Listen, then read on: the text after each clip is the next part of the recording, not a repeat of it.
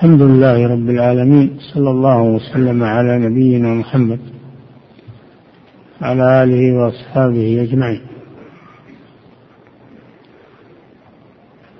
تقدم أن المؤلف رحمه الله ذكر محظورات الإحرام وهي تسعة. ذكرها مفصلة. والآن يريد أن يبين الفدية التي تلزم في من فعل محظورا من هذه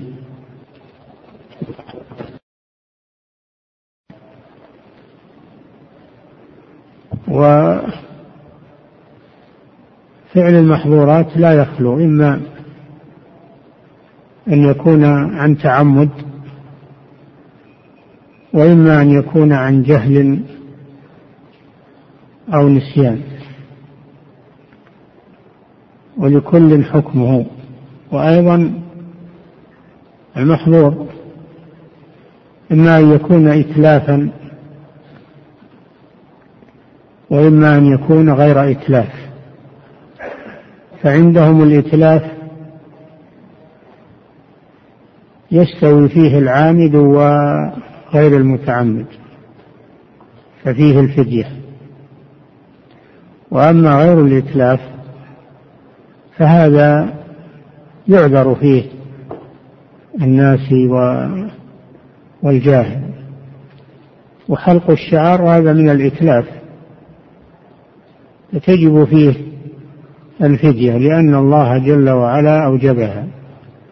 بقوله تعالى فمن كان منكم مريضا أو به أذى من رأسه ففدية من صيام أو صدقة أو نسك.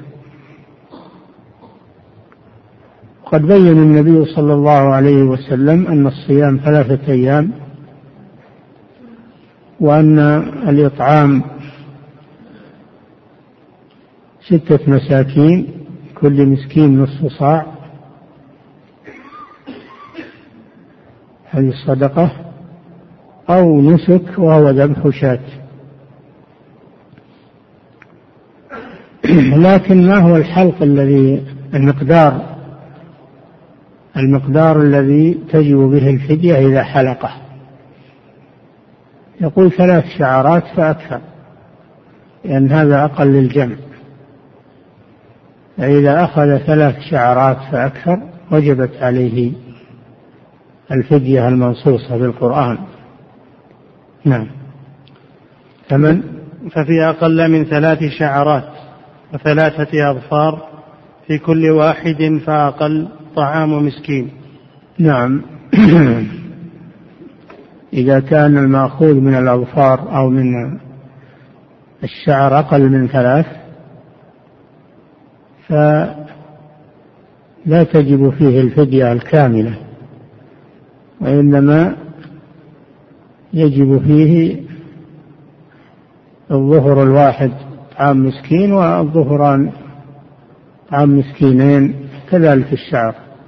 ففي يقول ففي فأقل طعام ففي أقل من ثلاث شعرات وثلاثة أظفار في كل واحد فأقل طعام مسكين. كل واحد يعني ظفر أو أو شعرة طعام مسكين.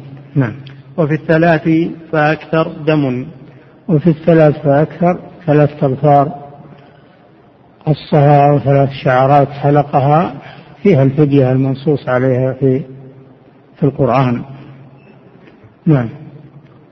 وفي تغطية الرأس بلاصق ولبس مخيط وتطيب في بدن أو ثوب أو شم أو دهن الفدية. نعم.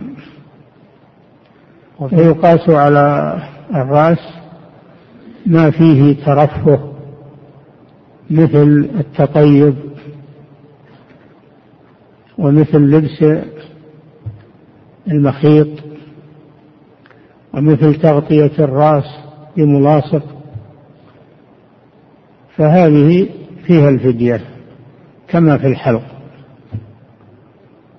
كما في فدية الحلق المذكورة في الآية. فمن لبس المخيط وهو محرم أو تطيب وهو محرم أو تعمد شم الطيب وهو محرم أو غطى رأسه بملاصق وهو محرم متعمدا ففيه الفدية مثل حلق الرأس. أما إذا غطى رأسه بغير ملاصق كأن استظل في خيمة استظل في خيمة أو تحت شجرة أو دخل في منزل أو استظل بالشمسية هذا ليس عليه شيء لأن هذا غير ملاصق. نعم. وفي تغطية الرأس بلاصق ولبس مخيط وتطيب في بدن أو ثوب أو شم أو دهن الفدية. نعم الطيب يستوي فيه الشم ويستوي فيه وضعه في الثوب أو أو على البدن ففيه الفدية. لأن النبي صلى الله عليه وسلم نهى المحرم عن الطيب. وقال في الميت المحرم لا تمسوه طيبا. نعم. وإن قتل صيدا مأكولا بريا أصلا فعليه جزاؤه. من محظورات الإحرام قتل الصيد.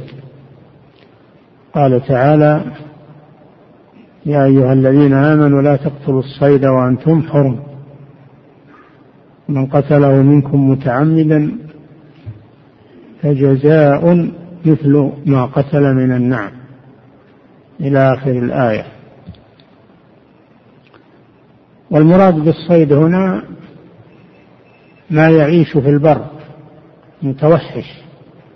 المتوحش الذي يعيش في البر وينفر من الناس كالظبا والأرانب و وبقر الوحش والطيور المأكولة. هذا كله يدخل في الصيد.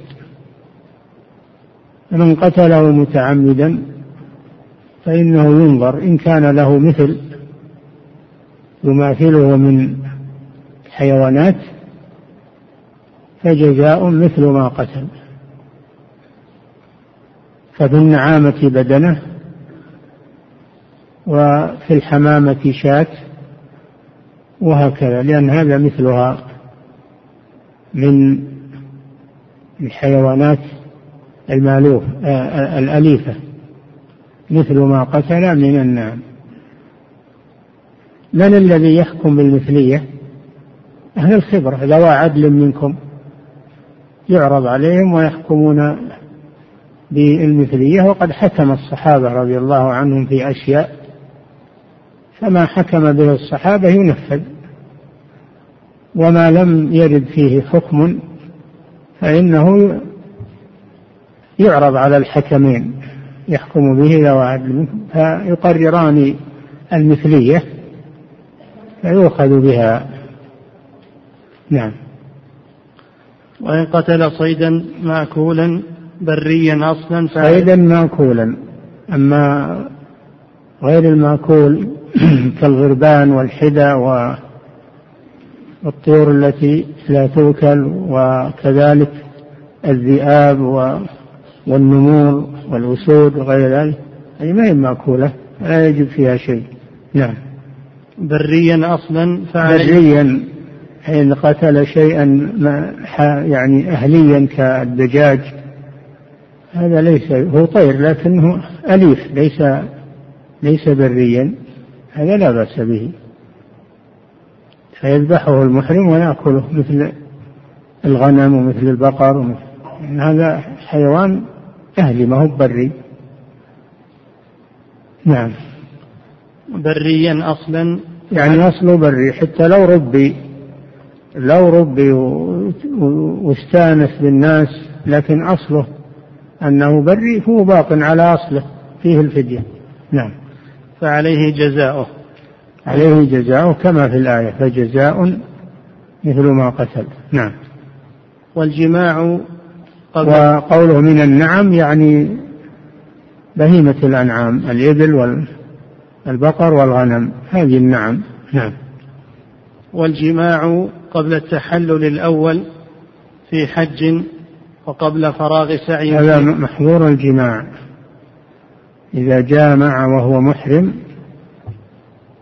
فهذا إن كان في الحج إن كان في الحج قبل التحلل الأول قبل التحلل الأول يعني بعد ما وقف في عرفة وبات في مزدلفة وقع منه الجماع قبل الرمي وقبل أن يفعل شيئا من المناسك يوم العيد فهذا يفسد حجه يفسد حجه ويمضي فيه ويكمله.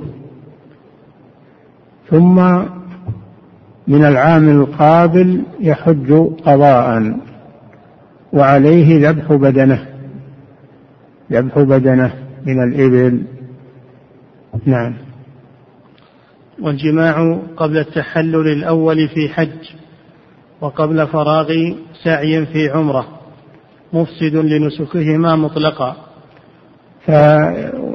فكذلك العمرة إذا جامع بعد الإحرام بها قبل الطواف والسعي فسدت عمرته ويمضي فيها ويكملها وهي فاسدة ثم يرجع إلى الميقات ويحرم بعمرة ثانية قضاء للفاسدة. ويذبح شاة في مكة. هذا المعتمر. نعم. وفيه لحج بدنة ولعمرة شاة. نعم فساد الحج الفاسد فيه بدنة من الإبل. هكذا حكم الصحابة رضي الله عنهم. وفي العمرة إذا أفسدها فيها شاة. نعم. ويمضيان في فاسده ويقضيانه مطلقا إن كانا مكلفين فورا. نعم يقضيانه إن كانا مكلفين يعني قد بلغ سن التكليف فيلزمهم ما ذكر. نعم. ويقضيانه مطلقا إن كانا مكلفين فورا وإلا بعد التكليف وحجة والقضاء من غير المكلف يكون بعد التكليف. أما المكلف فيقضيه فورا. نعم. إن كانا مكلفين فورا وإلا بعد التكليف وحجة الإسلام فورا. نعم. ولا يفسد النسك ولا يفسد النسك بمباشرة أما المباشرة لو باشر زوجته لمسها لمسها أو مسها بيده بشهوة أو قبلها بشهوة فإنه لا يفسد حجه لأن هذا ليس جماعا. لأن هذا ليس جماعا لكنه محرم يأثم به قوله تعالى فمن فرض فيهن الحج فلا رفث. ولا فسوق ولا جدال في الحج والرفث هو الجماع ودواعيه من اللمس والقبلة والكلام فيه وغير ذلك. هذا رفث يأثم به ويستغفر وليس عليه فدية. نعم. ويجب بها بدنة إن أنزل وإلا شاذ. فإذا باشر زوجته من غير جماع بشهوة لم يفسد حجه. وعليه بدنة في الحج وعليه شاة في العمرة. نعم. ويجب بها بدنة ويجب بها بدنة إن أنزل وإلا شاة. ولا نعم. فإذا باشر امرأته من غير جماع بشهوة وهو محرم فإن حصل منه إنزال مع المباشرة فعليه بدنة. وإن لم يحصل منه إنزال لكنه باشر بشهوة فعليه شاة. نعم. ولا بوطء في حج بعد التحلل الأول وقبل الثاني. أما لو جامع الحاج لو جامع الحاج بعد التحلل الأول رمى الجمرة وحلق رأسه ثم استعجل وجامع زوجته هذا لا يفسد حجه. لا يفسد حجه لأنه تحلل التحلل الأول. لكن عليه شاة عليه شاة فدية للمحظور الذي فعله قبل إكمال حجه. نعم. ولا بوطء في حج بعد التحلل الأول وقبل الثاني لكن يفسد الإحرام فيحرم, فيحرم من الحل ليطوف للزيارة في إحرام صحيح. نعم. ويسعى إن لم يكن سعى وعليه شاة أما قوله يحرم هذا فيه نظر. هذا قول في المذهب لكن الصحيح أنه لا يحرم لأنه تحل من الإحرام. فكيف يحرم مرة ثانية؟ فلا يحرم لكن عليه عليه أن يكمل حجه وعليه شاة. نعم. وإحرام امرأة كرجل. نعم انتهى من آه، بيان محظورات الإحرام. هذا بالنسبة للرجال. محظورات الإحرام على قسمين. قسم يشترك فيه الرجال والنساء وقسم خاص بالرجال. قسم خاص بالرجال. فالطيب عام للرجال والنساء. و الطيب عام للرجال والنساء. وقتل الصيد. عام للرجال والنساء. وأما لبس المخيط هذا خاص بالرجال. تغطية الرأس هذا خاص بالرجال. هذا خاص بالرجال. أما النساء فتلبس المخيط وتغطي نفسها وتحتجب لكن يحرم عليها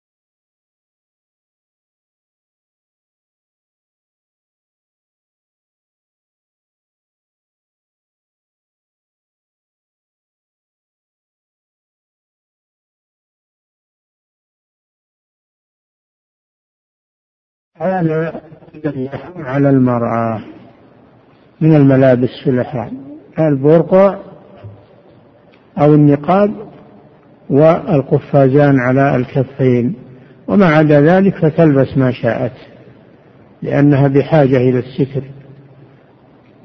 نعم. وإحرام امرأة كرجل إلا في لبس مخيط وتجنب البرقع والقفازين وتغطية الوجه؟ لا. تغطية الوجه ما هو صحيح. يلزمها تغطية الوجه. لقول عائشة رضي الله عنها كنا مع النبي صلى الله عليه وسلم فإذا مر بنا الرجال سدلت إحدانا ثمارها من على رأسها على وجهها فإذا جاوزونا كشفناه. هذا دليل على أنه ليست المحرمة ممنوعة من تغطية وجهها.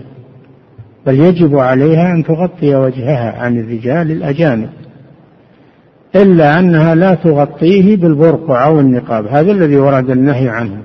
لم تنهى عن تغطية وجهها وإنما نهيت عن لبس البرقع والنقاب والقفازين هذا الذي نهيت عنه المرأة.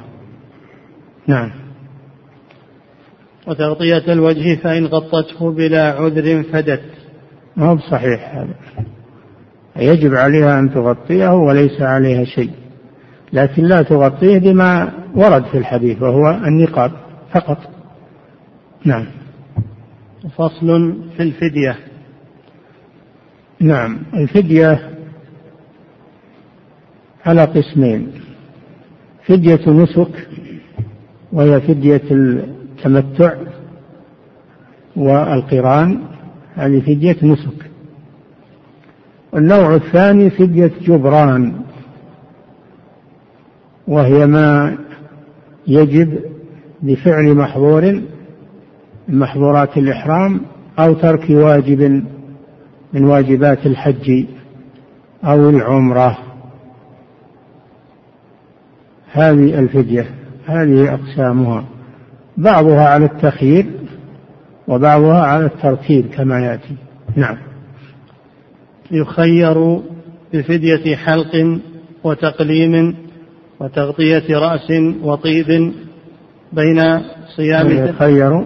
يخير بفدية حلق نعم. وتقليم وتغطية رأس وطيب بين صيام ثلاثة أيام أو إطعام ستة مساكين كل مسكين مد بر.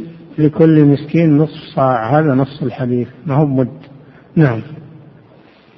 أو مد بر أو نصف صاع تمر أو زبيب أو شعير. لا فرق. لا فرق بين التمر والبر. نصف صاع من الكل. هكذا ورد في الحديث. نعم. أو نصف صاع تمر أو زبيب أو شعير أو ذبح شاة. مخير بين هذه الثلاثة. إذا حلق أو قص أظافره أو غطى رأسه أو لبس مخيطا على بدنه أو تطيب. في هذه الأمور فدية بالتخيير بين ذبح شاة وصيام ثلاثة أو صيام ثلاثة أيام أو إطعام ستة مساكين كل مسكين نصف صاع. كما ورد في الحديث الصحيح في قصة كعب بن عجرة رضي الله عنه لما احتاج إلى حلق رأسه. فأمره النبي صلى الله عليه وسلم بحلقه وأمره بالفدية على هذا التخيير. نعم. وفي جزاء صيد. أما, أما جزاء الصيد فإن كان له مثل فمثل ما قتل من النعم. وإن لم يكن له مثل فإنه يقوم بثمن الصيد المقتول بما يساوي ثم يخير. إما أن يشتري بهذا بهذه القيمة طعاما يوزعه على الفقراء وإما أن يصوم. عدد الفقراء يخير بين أن يخير بين أن يشتري طعاما يوزعه على الفقراء أو يصوم أياما بقدر الفقراء الذين يسعهم الطعام المقدر. نعم. وفي جزاء صيد بين مثل مثلي أو تقويمه بدراهم يشتري بها طعاما يجزئ في فطرة فيطعم عن كل مسكين مد بر أو نصف صاع من غيره. لا فرق. لا فرق بين البر وغيره. نصف صاع نعم. أو يصوم عن طعام كل مسكين يوما. نعم. وبين إطعام أو صيام في غير مثلي. نعم ويخير التخيير إنما هو في غير المثلي. أما المثلي فيذبح مثله. من النعم نعم. وإن عدم متمتع أو قارن الهدي صام ثلاثة أيام في الحج. وأما فدية التمتع والقران هذه فدية نسك وليست جبرانا فيخير فيها. قال تعالى فمن تمتع بالعمرة إلى الحج يرتب ما هو بيخير يرتب فيها. قال تعالى فمن تمتع بالعمرة إلى الحج فما استيسر من الهدي هذا أول شيء. فما استيسر من الهدي فمن لم يجد فصيام ثلاثة أيام في الحج وسبعة إذا رجعتم تلك عشرة كاملة فيخير بين فيخير في فدية التمتع والقران. آه نعم فيجب عليه في فدية القران يجب عليه الفدية. فإن عدمها فإنه يصوم على ما ذكره الله في القرآن. إذا عدم الفدية فمن لم يجد ليس فيها تخيير وإنما هي ترتيب. نعم أعد. وإن عدم متمتع أو قارن الهدي عدمه يعني لم يقدر عليه. نعم. وإن عدم متمتع أو قارن الهدي صام ثلاثة أيام في الحج والأفضل جعل آخرها يوم عرفة. ثلاثة الأيام في الحج. من حين يحرم بالحج لو يوم العيد أول يوم من شوال. لو صام من أول يوم من شوال هذه الثلاثة أجزاء. إلى يوم عرفة إلى قبل يوم عرفة. كل هذا محل لصيام الثلاثة. كونه يصومها قبل يوم عرفة أفضل. فإن لم يصومها جاء عليه يوم العيد فإنه لا يجوز له الصيام يوم العيد لكن يصومها في أيام التشريق. 11 و12 و13 عشر. نعم. وسبعة إذا رجع لأهله. يعني إذا انتهى الحج. إذا رجع إلى أهله يعني إذا انتهى الحج. فإن شاء صامها في الطريق وإن شاء أخرها إلى أن يصل إلى بلده فيصومها سبعة ليكمل العشرة. نعم. أعد. والأفضل جعل آخرها يوم عرفة وسبعة يوم عرفة لا يصومه الحاج لأن النبي صلى الله عليه وسلم لم يصوم يوم عرفة لكن يكون قبل يوم عرفة يكون صيامها قبل يوم عرفة أما يوم عرفة فيكون مفطرا اقتداء بالنبي صلى الله عليه وسلم. نعم. والأفضل جعل آخرها يوم عرفة وسبعة إذا رجع لأهله. نعم. والمحصر إذا لم يجده صام عشرة أيام ثم حل. المحصر وهو الذي حبس بعد إحرامه حبس عن المضي إلى مكة. ولم يمكن من الوصول إلى البيت حبسه عدو أو أصابه حادث سيارة لا يستطيع المضي في نسكه وهو محرم فهذا يفدي. يفدي أو أصابه مرض أصابه مرض حبسه فلم يستطع المضي في حجه فهذا يفدي في مكانه في مكانه الذي يحصر فيه. فإن لم يجد الفدي صام عشرة أيام. قال تعالى فإن أحصرتم فما استيسر من الهدي. ولما أحصر النبي صلى الله عليه وسلم هو وأصحابه في الحديبية منعهم المشركون من الوصول إلى البيت الحرام وتصالحوا معهم على أن يرجعوا من عامهم إلى المدينة. أمر النبي صلى الله عليه وسلم أصحابه فدى هو صلى الله عليه وسلم وأمر أصحابه بالفدية وتحللوا من إحرامهم وليس عليهم شيء لأنهم أحصروا والله جل وعلا قال فما استيسر من الهدي فإن أحصرتم وما استيسر من الهدي ولم يقل يقضون فليس فيه قضاء المحصر ليس عليه قضاء. هذا هو المحصر. وإن لم يجد الهدي صام عشرة أيام قياسا قياسا على القارن والمتمتع وإلا هو ما فيه دليل على الصيام على الصيام. لكن قاسوه على المتمتع. والقياس فيه نظر. نعم. والمحصر إذا لم يجده صام عشرة أيام ثم حل. إذا لم يجده يعني يجد الفدية. يجد الهدي الذي نص الله عليه فإن أحصرتم فما استيسر من الهدي. نعم.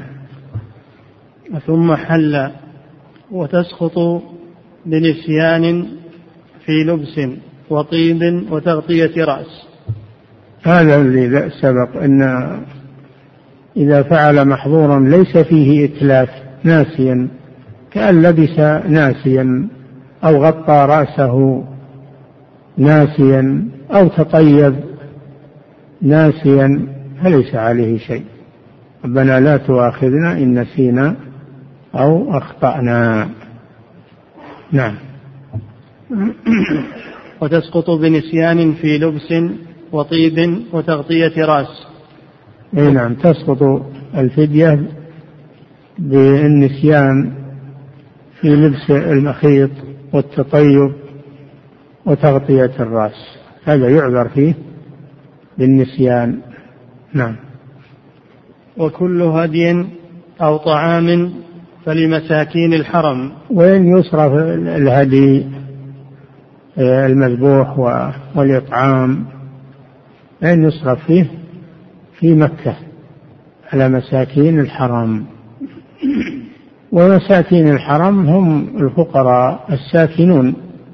الحرم أو الوافدون إليه وفيهم فقر يأخذون حكم سكان الحرم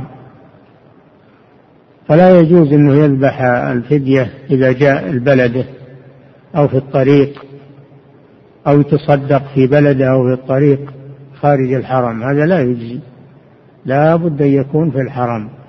الهدي والإطعام لا بد أن ينفذا في الحرم. وأما الصيام فيجوز في أي مكان.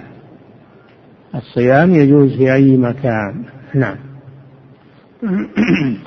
وكل هدي أو طعام فلمساكين الحرم إلا فدية أذى ولبس ونحوها فحيث وجد سببها. إي نعم. لو لبس وهو خارج الحرم أو غطى رأسه خارج الحرم مثلا في عرفة فيتصدق في عرفة في المكان الذي وجد فيه فعل المحظور. نعم. إلا فدية اذى ولبس ونحوها فحيث وجد سببها ويجزئ الصوم. وكذلك فدية الإحصار حيث وجد سببه. لأن النبي صلى الله عليه وسلم نحى ذبح الهدي في الحديبية وهي خارج الحرم. ذبح الهدي في الحديبية. وهي خارج الحرم. فدل على أن المحصر يقدم الفدية في المكان الذي أحصر فيه سواء في الحرم أو خارج الحرم مثله غيره. نعم. ويجزئ الصوم بكل مكان. أما الصوم فإنه لما كان ليس لسكان الحرم منفعة منه صار يجزي في كل مكان يصوم في بلده في الطريق. نعم. والدم شاة أو سبع بدنة إذا قيل دم فالدم المراد به الشاة الشاة الواحدة. أو سبع بدنة أو سبع بقرة. هذا هو الدم. سواء كان في في هدي التمتع أو القران أو كان في هدي الجبران. هكذا. شاة أو سبع بدنة أو سبع بقرة. لأن النبي صلى الله عليه وسلم في الحديبية أمر أن يشترك السبعة في البعير وفي البقرة. نعم. نعم. والدم شاة أو سبع بدنة أو بقرة. نعم. ويرجع في جزاء صيد إلى ما قضت فيه الصحابة. قضى جزاء الصيد الذي سبق وقلنا بالمثل أو بالقيمة هذا يرجع فيه إلى أهل الخبرة. ما قضت فيه الصحابة وأثر عنهم فإنه ينفذ ولا حاجة إلى إلى تحكيم غيرهم. أما ما لم يرد فيه حكم للصحابة فإنه يحكم فيه في وقته. وفي مكانه. نعم. ويرجع في قوله تعالى يحكم به ذوى عدل منكم. هذا عام. نعم. ويرجع في جزاء صيد إلى ما قضت فيه الصحابة وفيما لم تقض فيه إلى قول عدلين خبيرين. إلى قول عدلين خبيرين يحكم به ذوى عدل منكم. نعم. وما لا مثل له تجب قيمته مكانه. نعم كما سبق. نعم. وحرم مطلقا صيد حرم مكة. وقطع آه هذا الصيد بالنسبة للمحرم. بالنسبة للمحرم. أما غير المحرم فيجوز أن يصيد خارج الحرم.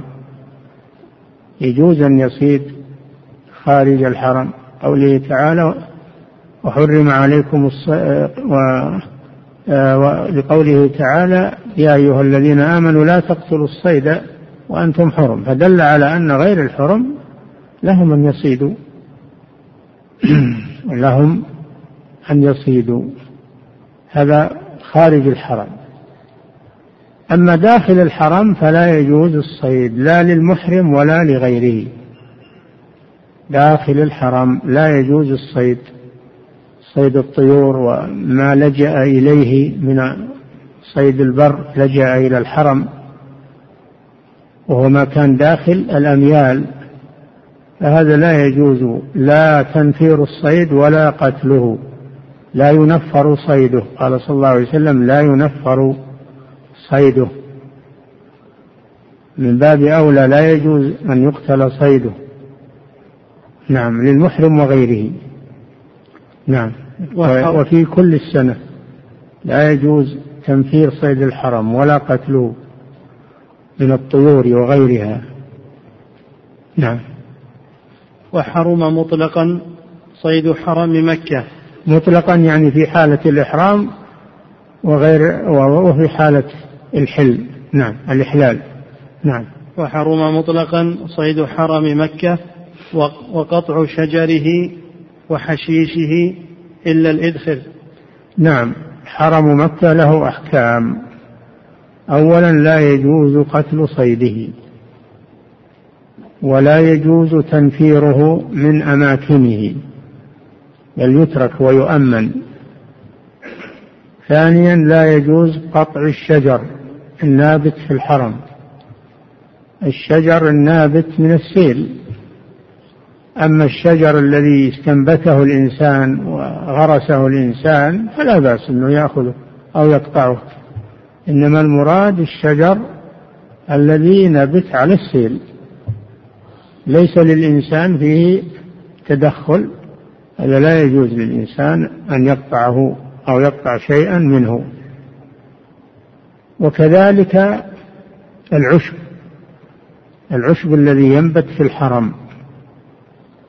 لا يجوز له أن يجمعه وأن يقطعه. لكن لا بأس أنه يرعاه يجعل بهائمه ترعى منه ما في بأس. أما أنه مثل ما هو في الحل يجمعون العشب ويخزنونه هذا لا يجوز. لا يختلى خلاه يعني لا يقطع حشيشه. وأما الزرع الذي زرعه فلا بأس أنه يأخذه.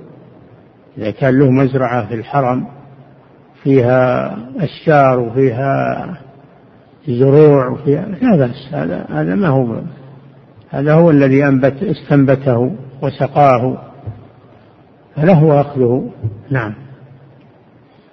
وقطع شجره وحشيشه إلا الإذخر. إلا الإذخر من نبات الحرام وهو نبات معروف. دقيق له سنبل أبيض هذا يجوز قطعه للحاجة لأن الناس يحتاجونه لسقف بيوتهم ولجعله على اللحود للأموات لأنه يمنع التراب فيضعون اللبن يضعون اللبنات ثم يضعون بينها الإذخر ليسد الفتحات. لئلا ينهال التراب على الميت. هذا أذن فيه النبي صلى الله عليه وسلم في الحرم أنه يقطع للحاجة لتسقيف البيوت ولتسقيف اللحود به. نعم. وحرم مطلقا صيد حرم مكة وقطع شجره وحشيشه إلا الإذخر وفيه الجزاء. فيه الجزاء إذا قطع الشجر أو أخذ أو قطع العشب ففيه الجزاء بالقيمة. نعم. وصيد حرم المدينة. أما والمدينة أيضا والمراد بحرم مكة ما كان داخل الأميال. هذا حرم مكة. من جميع الجهات. مجعول عليها أميال يعني أعمدة. قديمة وحديثة. أعمدة قديمة وحديثة. واضحة. هذا ما كان داخل الأعمدة فهو حرم ما كان خارجها فهو حل. كذلك المدينة لها حرم. فإن النبي صلى الله عليه وسلم حرم المدينة كما حرم إبراهيم عليه السلام مكة. المدينة لها حرم. حدوده من جبل عير المطل على ذي الحليفة إلى جبل ثور وهو جبل صغير عند أحد. جبل صغير أحمر عند أحد. هذا من الجنوب والشمال. من الشرق والغرب ما بين الحرتين. الحرة الشرقية والحرة الغربية. هذا حرم المدينة محدد واضح. بجبال وبحرة. من الشرق والغرب. هذا لا يجوز قطع شجره أيضا. نعم. وصيد حرم المدينة وقطع شجره وحشيشه لغير حاجة علف وقتب ونحوهما ولا جزاء. حرم المدينة مثل حرم مكة لا يقطع شجره ولا العشب النابت فيه إلا للحاجة إذا احتاجوا فلا بأس أنهم يقطعون الشجر ويأخذون العشب. أما من غير حاجة فلا يجوز لكن لو فعل لا جزاء فيه. يأثم وليس عليه جزاء. نعم وكذلك الصيد. الصيد الذي يكون في منطقة حرم المدينة لا يصاد. لكن لو صاده ليس عليه جزاء. إنما يأثم. نعم. باب أعد. وقطع شجره وصيد حرم المدينة. وقطع شجره وحشيشه لغير حاجة علف وقتب ونحوه قتب القتب اللي يصنع للركوب على البعير من أعواد يصنع من أعواد للركوب على البعير. هذا يؤخذ من شجر المدينة لا بأس لأنه لحاجة. نعم. وقطع وقطع شجره وحشيشه لغير حاجة علف وقتب ونحوهما ولا جزاء. أو تسقيف بيوت يجوز يجوز يقطع لأجل تسقيف البيوت بالخشب من الشجر المدينة. نعم. لأن حرم المدينة أوسع حكما أوسع حكما من حرم مكة. نعم.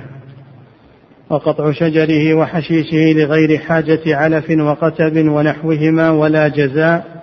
ولا جزاء فيه لو قطعه. نعم. باب دخول مكة. نعم. عرفنا أحكام الإحرام وأحكام الحرم.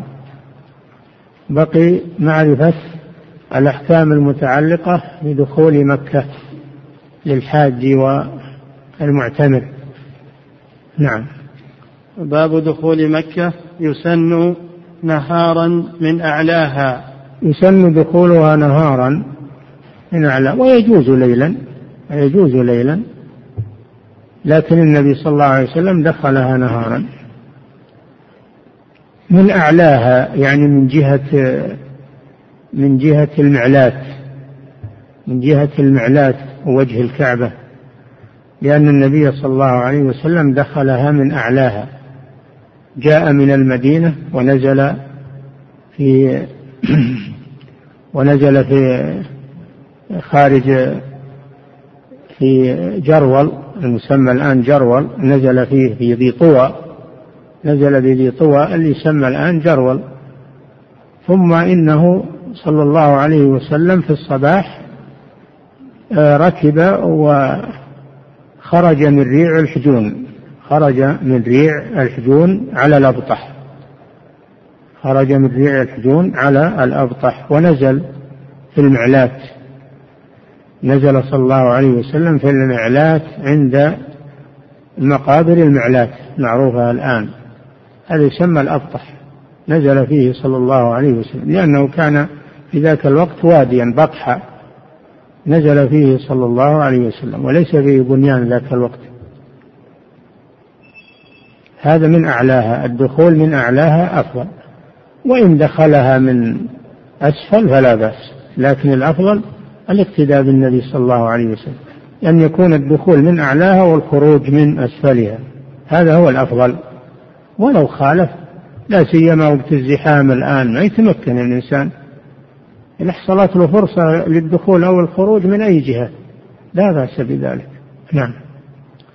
يسن نهارا من أعلاها والمسجد من باب بني شيبة. نعم ويسمون أعلاها كدأ. يسمون أعلاها كدا يدخلها من طريق كدا وأسفلها من كدى بالضم كدى وكدي. هذا يسمى المسفلة الآن يسمونها المسفلة الآن. نعم. والمسجد من باب بني شيبة. هذا دخول مكة من أعلاها والخروج من أسفلها. أما المسجد فالأفضل أن يدخله من باب بني شيبة. وهو الباب الذي الباب الذي يدخل على المطاف من عند الحجر. كان إلى عهد قريب موجود موجود مكان الباب وعليه قوس الباب بني شيبة تدخل منه على المطاف على طول على محاذاة الحجر. لما جاءت التوسعة الأخيرة شالوا هذا الباب من أجل التوسعة على الحجاج. لكن مقابله من الشرق الباب الذي يقابله من الشرق هو له حكم باب بني شيبة فيدخل منه. مكتوب عليه باب بني شيبة فيدخل منه. هذا هو الأفضل وهو الذي دخل منه النبي صلى الله عليه وسلم. وإن دخل من باب الملك عبد العزيز أو من باب العمرة أو من باب المدينة أو أي أبواب الحرم لا بأس بذلك. لكن كلام في الأفضلية فقط. نعم. فإذا رأى البيت رفع يديه وقال ما ورد. إذا دخل المسجد الحرام فإنه يقول ما ورد في دخول المساجد يقدم رجله اليمنى ويقول بسم الله أعوذ بالله العظيم وبوجهه الكريم وسلطانه القديم من الشيطان الرجيم. اللهم صل على محمد اللهم اغفر لي ذنوبي وافتح لي أبواب رحمتك. هذا في كل المساجد يقول كذا. وإذا رفع يديه عند رؤية البيت ويكبر فلا بأس بذلك. نعم. فإذا رأى البيت رفع يديه وقال ما ورد. نعم. ثم طاف مطبعا للعمرة للعمرة. ثم يشرع بالطواف. ما يصلي؟ يقول بصلي تحية المسجد. لا. أول ما يبدأ بالطواف لأنه هو تحية الكعبة والصلاة بعد الطواف. فيبدأ بالطواف كما فعل النبي صلى الله عليه وسلم. فإن كان متمتعا فينويه طواف العمرة. وإن كان قارنا أو مفردا فينويه طواف القدوم. ينويه طواف القدوم وهو سنة. فأول شيء يبدأ به الطواف. ولا يقول بصلي تحية المسجد. نعم. ثم طاف مضطبعا. طواف العمرة وطواف القدوم له سنن خاصة. أولها أنه يضطبع بالرداء لأن إذا بغى يشرع في الطواف يضطبع بمعنى أنه يخرج كتفه يخرج كتفه الأيمن. ويغطي كتفه الأيسر فيجعل الرداء تحت إبطه الأيمن ويجعل طرفيه على كتفه الأيسر فيكون كتفه الأيسر مغطى كتفه الأيمن مكشوفا وعضده مكشوفا. فإذا فرغ من الطواف أعاد الرداء على هيئته وغطى كتفيه. فمحل الإطباع هو الطواف من بدايته إلى نهايته. أما ما يفعله الجهال الآن إنهم إذا أحرموا من الميقات يطبعون دائما مكشوف الكتف. هذا خلاف السنة. هذا خلاف السنة ولا أصل له. إنما هذا وقت الطواف فقط. وهو طواف العمرة أو طواف القدوم. نعم. ثم طاف مطبعا للعمرة المعتمرة عرفنا عرفنا الاطباع عرفنا الاطباع إخراج الضبع وهو العضد. هذا الاطباع نعم. ثم طاف مطبعا للعمرة المعتمر وللقدوم غيره. المعتمر اللي يريد التمتع.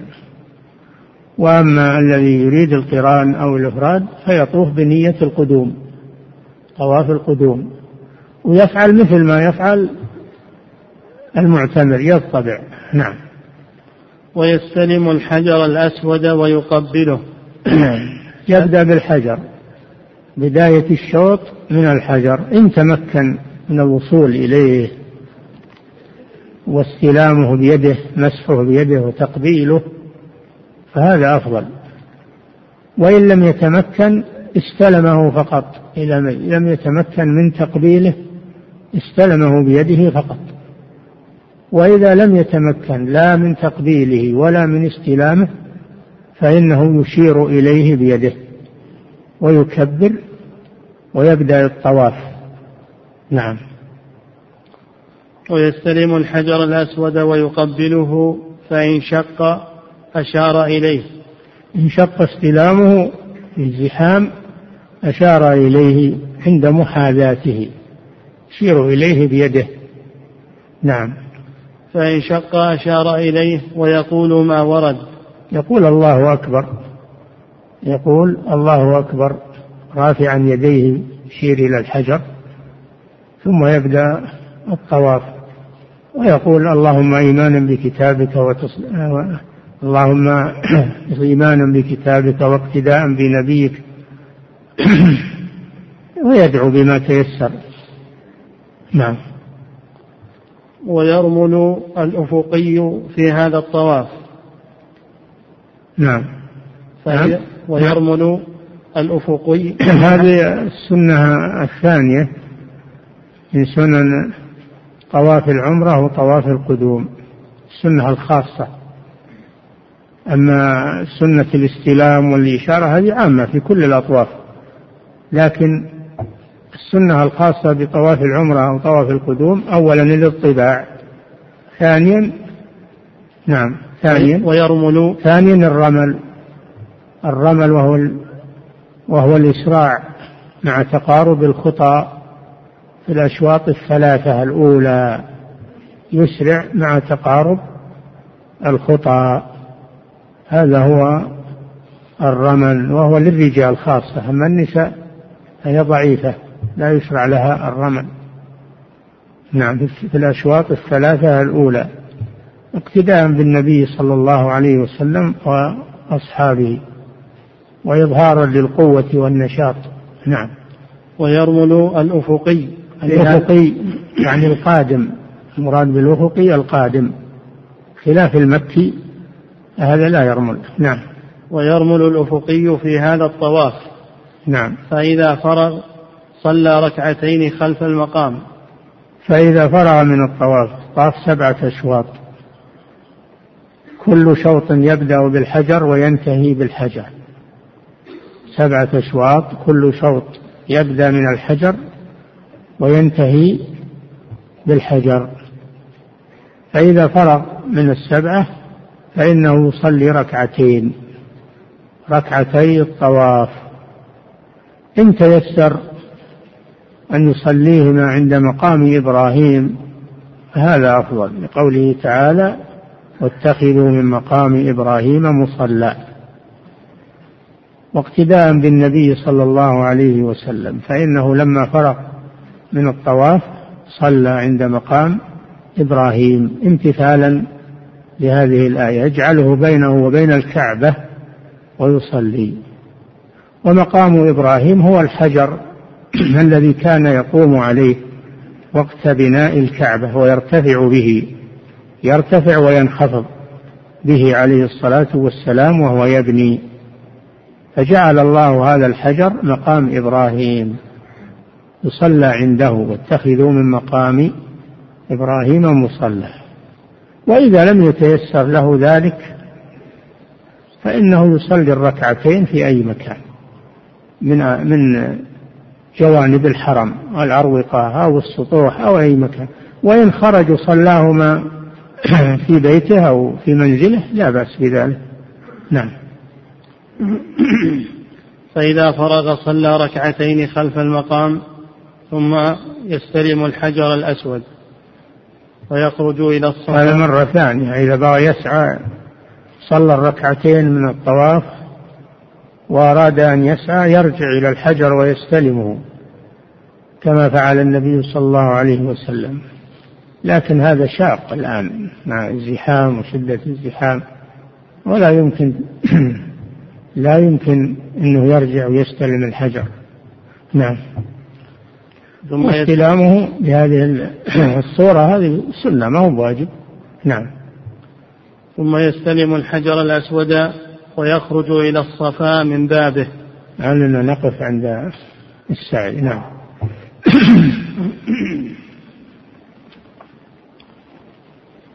يقول فضيلة الشيخ وفقكم الله. قول المؤلف رحمه الله نصف صاع تمر أو زبيب أو شعير. الشعير هل المقصود به الذي تت... الذي تأكله الحيوانات الآن أم شيء آخر؟ هو هو. هو الشعير كان هو قوتهم في عهد النبي صلى الله عليه وسلم. كانوا يأكلون الشعير كان النبي صلى الله عليه وسلم يأكل الشعير ولا يتيسر أيضا. ما يتيسر له ولا الشعير أحيانا. نعم. وإذا كان هو فهل يخرج في هذا الزمان للفقراء؟ إذا أخرجه أجزى ما نقول أنه ما يجزي وهو قد أخرجه النبي صلى الله عليه وسلم. إذا كان أخرجه يجزي ينتفع به الفقير بأي وجه؟ بالأكل أو بإعلافه بهائمة أو ببيعه؟ ينتفع به. هو الشعير ينتفع به الآن. ما هو هو بشيء ما له قيمة. له قيمة. نعم. يقول فضيلة الشيخ وفقكم الله.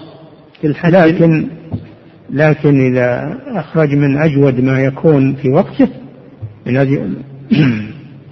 من أجود ما يطعم أهله فهذا أحسن. نعم. يقول فضيلة الشيخ وفقكم الله في الحج الماضي نمت في فراش على شكل كيس وأنا محرم علما بأنني أجهل الحكم وقد أدخلت رأسي من شدة البرد فما حكم ذلك؟ إذا كان معك فراش فيه سحاب تغلقه على نفسك فهذا لا يجوز للمحرم. يجعله مفتوح ويلتحف به وهو مفتوح ولا يدخل فيه على شكل ثوب. هذا لا يجوز للمحرم. لكن ما دام أنك جاهل أو ناسي فليس عليك شيء. وإذا غطيت رأسك متعمدا فعليك الفدية. وإن غطيته ناسيا أو نائما ليس عليك شيء. لكن حين ما تتنبه تكشف رأسك. حينما تتنبه أو تنبه فإنك تكشف رأسك. ولا شيء عليك. ما دمت. إنك ناسي. ربنا لا تؤاخذنا إن نسينا أو أخطأنا. نعم. أما هالفراش اللي, اللي جد الآن وصار يدخل بها الإنسان ويغلق على نفسه يصير في داخل كيس هذا لا يجوز للمحرم. لأنه مخيط. نعم. يقول فضيلة الشيخ وفقكم الله أخذ الشعر الذي فيه الفدية هل هو خاص بشعر الوجه والرأس فقط؟ أم كل, كل شعر البدن كل شعر البدن. إذا أخذت إذا حلقت شعر سواء من رأسك أو من صدرك أو من رجليك أو من شاربك أو في كل شعر البدن لا يجوز وأنت محرم. نعم. يقول فضيلة الشيخ وفقكم الله إذا جامع الرجل امرأته ولم يعلم بالحكم فهل عليه فدية أم يكفيه القضاء فقط؟ عليه فدية لأن لأن الواجب أنه يتعلم أحكام أحكام الحج وأحكام العمرة وهذا ميسور يقرأ ويسأل فهو مفرط ومهمل. نعم. يقول فضيلة الشيخ وفقكم الله من قبل زوجته ناسيا أو متعمدا وهو محرم فهل يلزمه فدية في ذلك؟ إذا كان ناسيا فليس عليه شيء. أما إذا كان متعمدا وحصل منه إنزال كما سمعتم هذا عليه الفدية ولكن لا يفسد نسكه لكن عليه الفدية. وإن لم يحصل منه شيء فيأثم على فعله ويستغفر الله ولا يعود لمثل هذا. قوله تعالى فلا رفث. نعم. يقول فضيلة الشيخ وفقكم الله الحيوان الأهلي مأكول اللحم إذا هرب وعاش في البرية واستوحش وصاده المحرم. فهل في ذلك فدية؟ لا العبرة بأصله أصله أنه أهلي ما هو وحشي وكذلك الوحشي إذا تأهل العبرة بأصله فهو صيد يجب فيه الفدية. نعم. يقول فضيلة الشيخ وفقكم الله والدتي كبيرة السن وإذا أحرمت غطت وجهها حتى ولو كانت عند النساء في الشق في الشقة أو الخيمة وكذلك عند المحارم وهي محرمة. فهل في ذلك شيء عليها؟ نعم لا يجوز لها هذا. نبهوها على ذلك. نبهوها على ذلك. إن كانت عند نساء أو عند محارمها تكشف وجهها. أما إذا كانت عند رجال غير محارم فتغطي وجهها. نعم. يقول فضيلة الشيخ وفقكم الله يقول حججت أنا وزوجتي قبل خمس سنوات وكانت مغطية لوجهها وكانت تغطيه بنقاب وفوقه خمار وغطاء بحيث لا يظهر من النقاب شيء. وعندما سألنا عن حكم ذلك قيل بأنها لا تعتبر لابسة للنقاب حينئذ لأنها غطته فما الحكم في ذلك؟ هذا خطأ الجواب هذا خطأ فعليها الفدية لأنها لابسة للنقاب سواء برز أو أخفته لابسة للنقاب مخالفة لنهي النبي صلى الله عليه وسلم لا تنتقد المحرمة ولا تلبس القفازين فهذا الجواب خطأ. ولا أظن طالب علم بيجيب بهالجواب نعم. يقول فضيلة الشيخ وفقكم الله من جامع زوجته وهو حاج قبل نعم.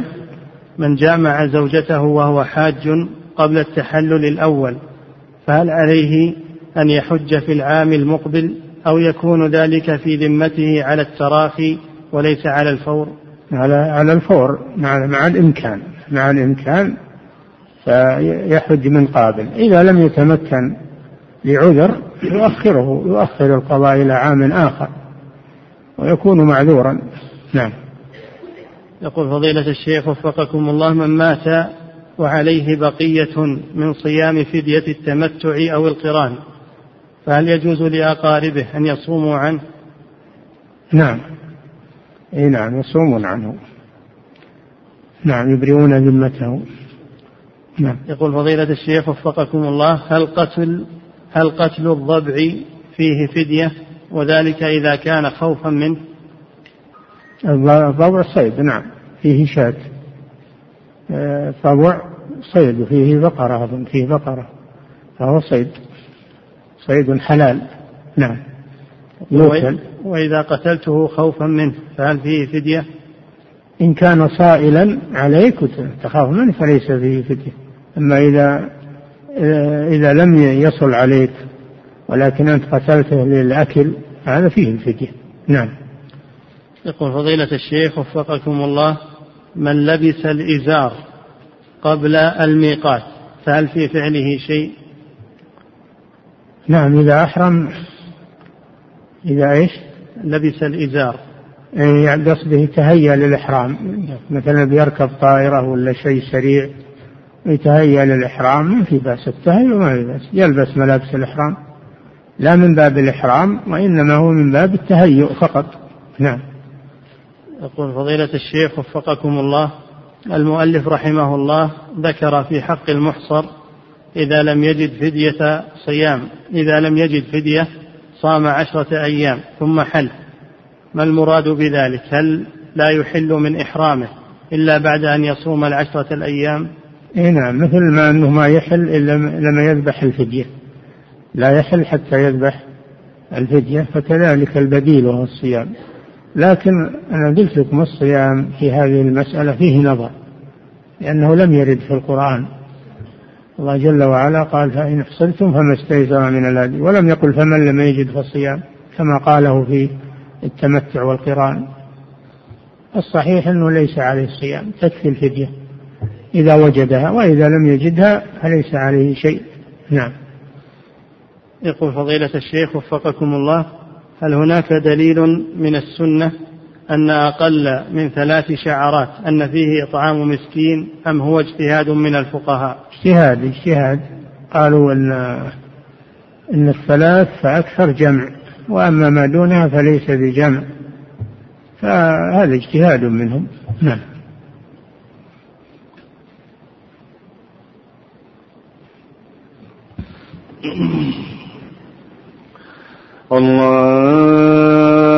الله أكبر الله أكبر الله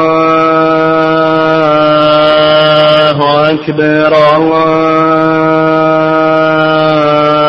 الله أكبر أشهد أن لا إله إلا الله. أشهد أن لا إله إلا الله. أشهد أن محمد رسول الله. أشهد أن محمد رسول الله. حي على الصلاة. حي على الصلاة حي على الفلاح حي على الفلاح.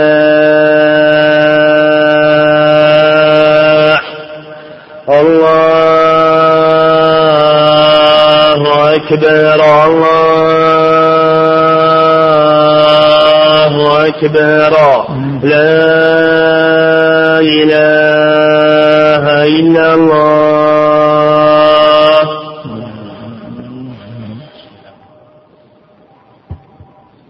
الله.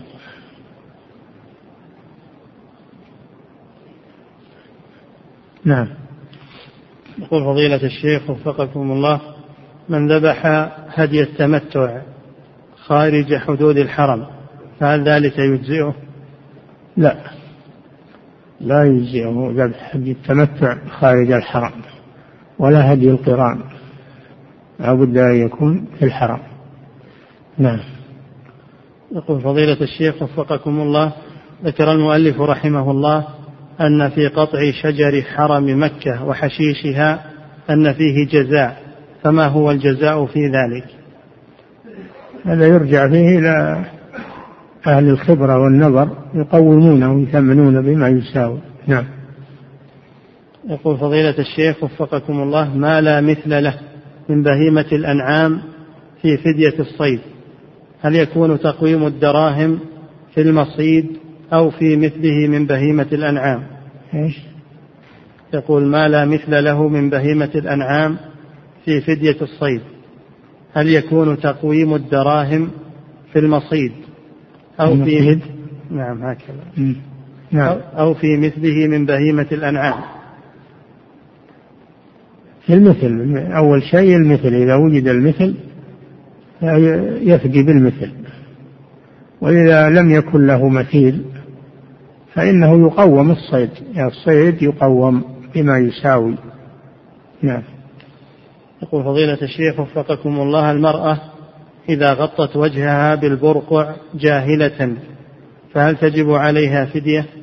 إذا كانت جاهلة أو ناسية ثم نزعته بعدما تبين لها فليس عليها شيء لأنها معذورة. نعم. يقول فضيلة الشيخ وفقكم الله من غطى رأسه وهو محرم عدة أيام بسبب البرد فهل عليه فدية واحدة أم عن كل يوم فدية؟ لا عليه فدية واحدة. سواء طالت المدة أو قصرت عليه فدية واحدة. نعم.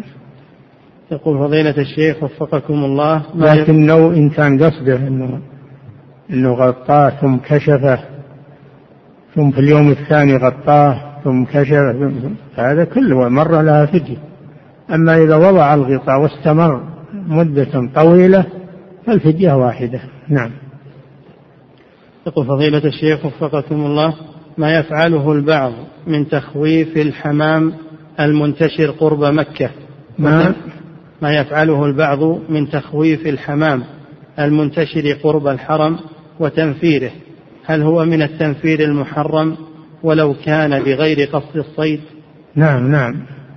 تنفيره مجرد تنفيره حرام. لا ينفر صيده كما في الحديث الصحيح. فلا يجوز له أن ينفره. لا الحمام ولا غيره. نعم. يقول وهل ينهى الأطفال عن ذلك أم يتركون؟ إلا ينهون ينهون عن ذلك. ينهاهم وليهم ومن رآهم. نعم. يقول فضيلة الشيخ وفقكم الله هل قطع الإذخر في الحرم مباح مطلقا أم بقدر الحاجة فقط؟ قدر الحاجة فقط. إذا لم يكن هناك حاجة فلا يجوز. نعم.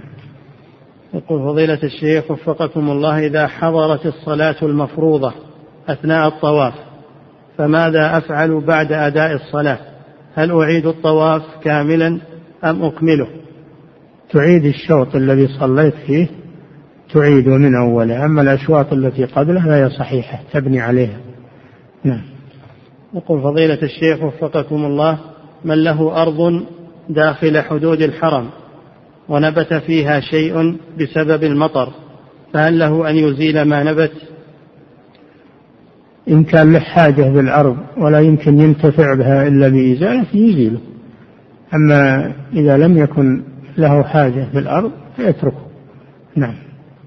يقول فضيلة الشيخ وفقكم الله عندما يؤدي الإنسان مناسك الحج أو العمرة أحيانا يطأ جرادا حيا فيموت الجراد. فهل الجراد يعتبر من صيد الحرم وماذا فيه؟ الجراد من صيد البحر. من البحر هو بحري. نعم. يقول فضيلة الشيخ وفقكم الله كنت في الطواف وذلك في العمرة وكانت العمرة الأولى لكنهم ذكروا أنه هو من صيد البحر لكنه صيد البحر إذا جيب حي وإذا جيب من البحر حي وأمسك يأخذ حكم صيد الحرم ما دام إنه حي.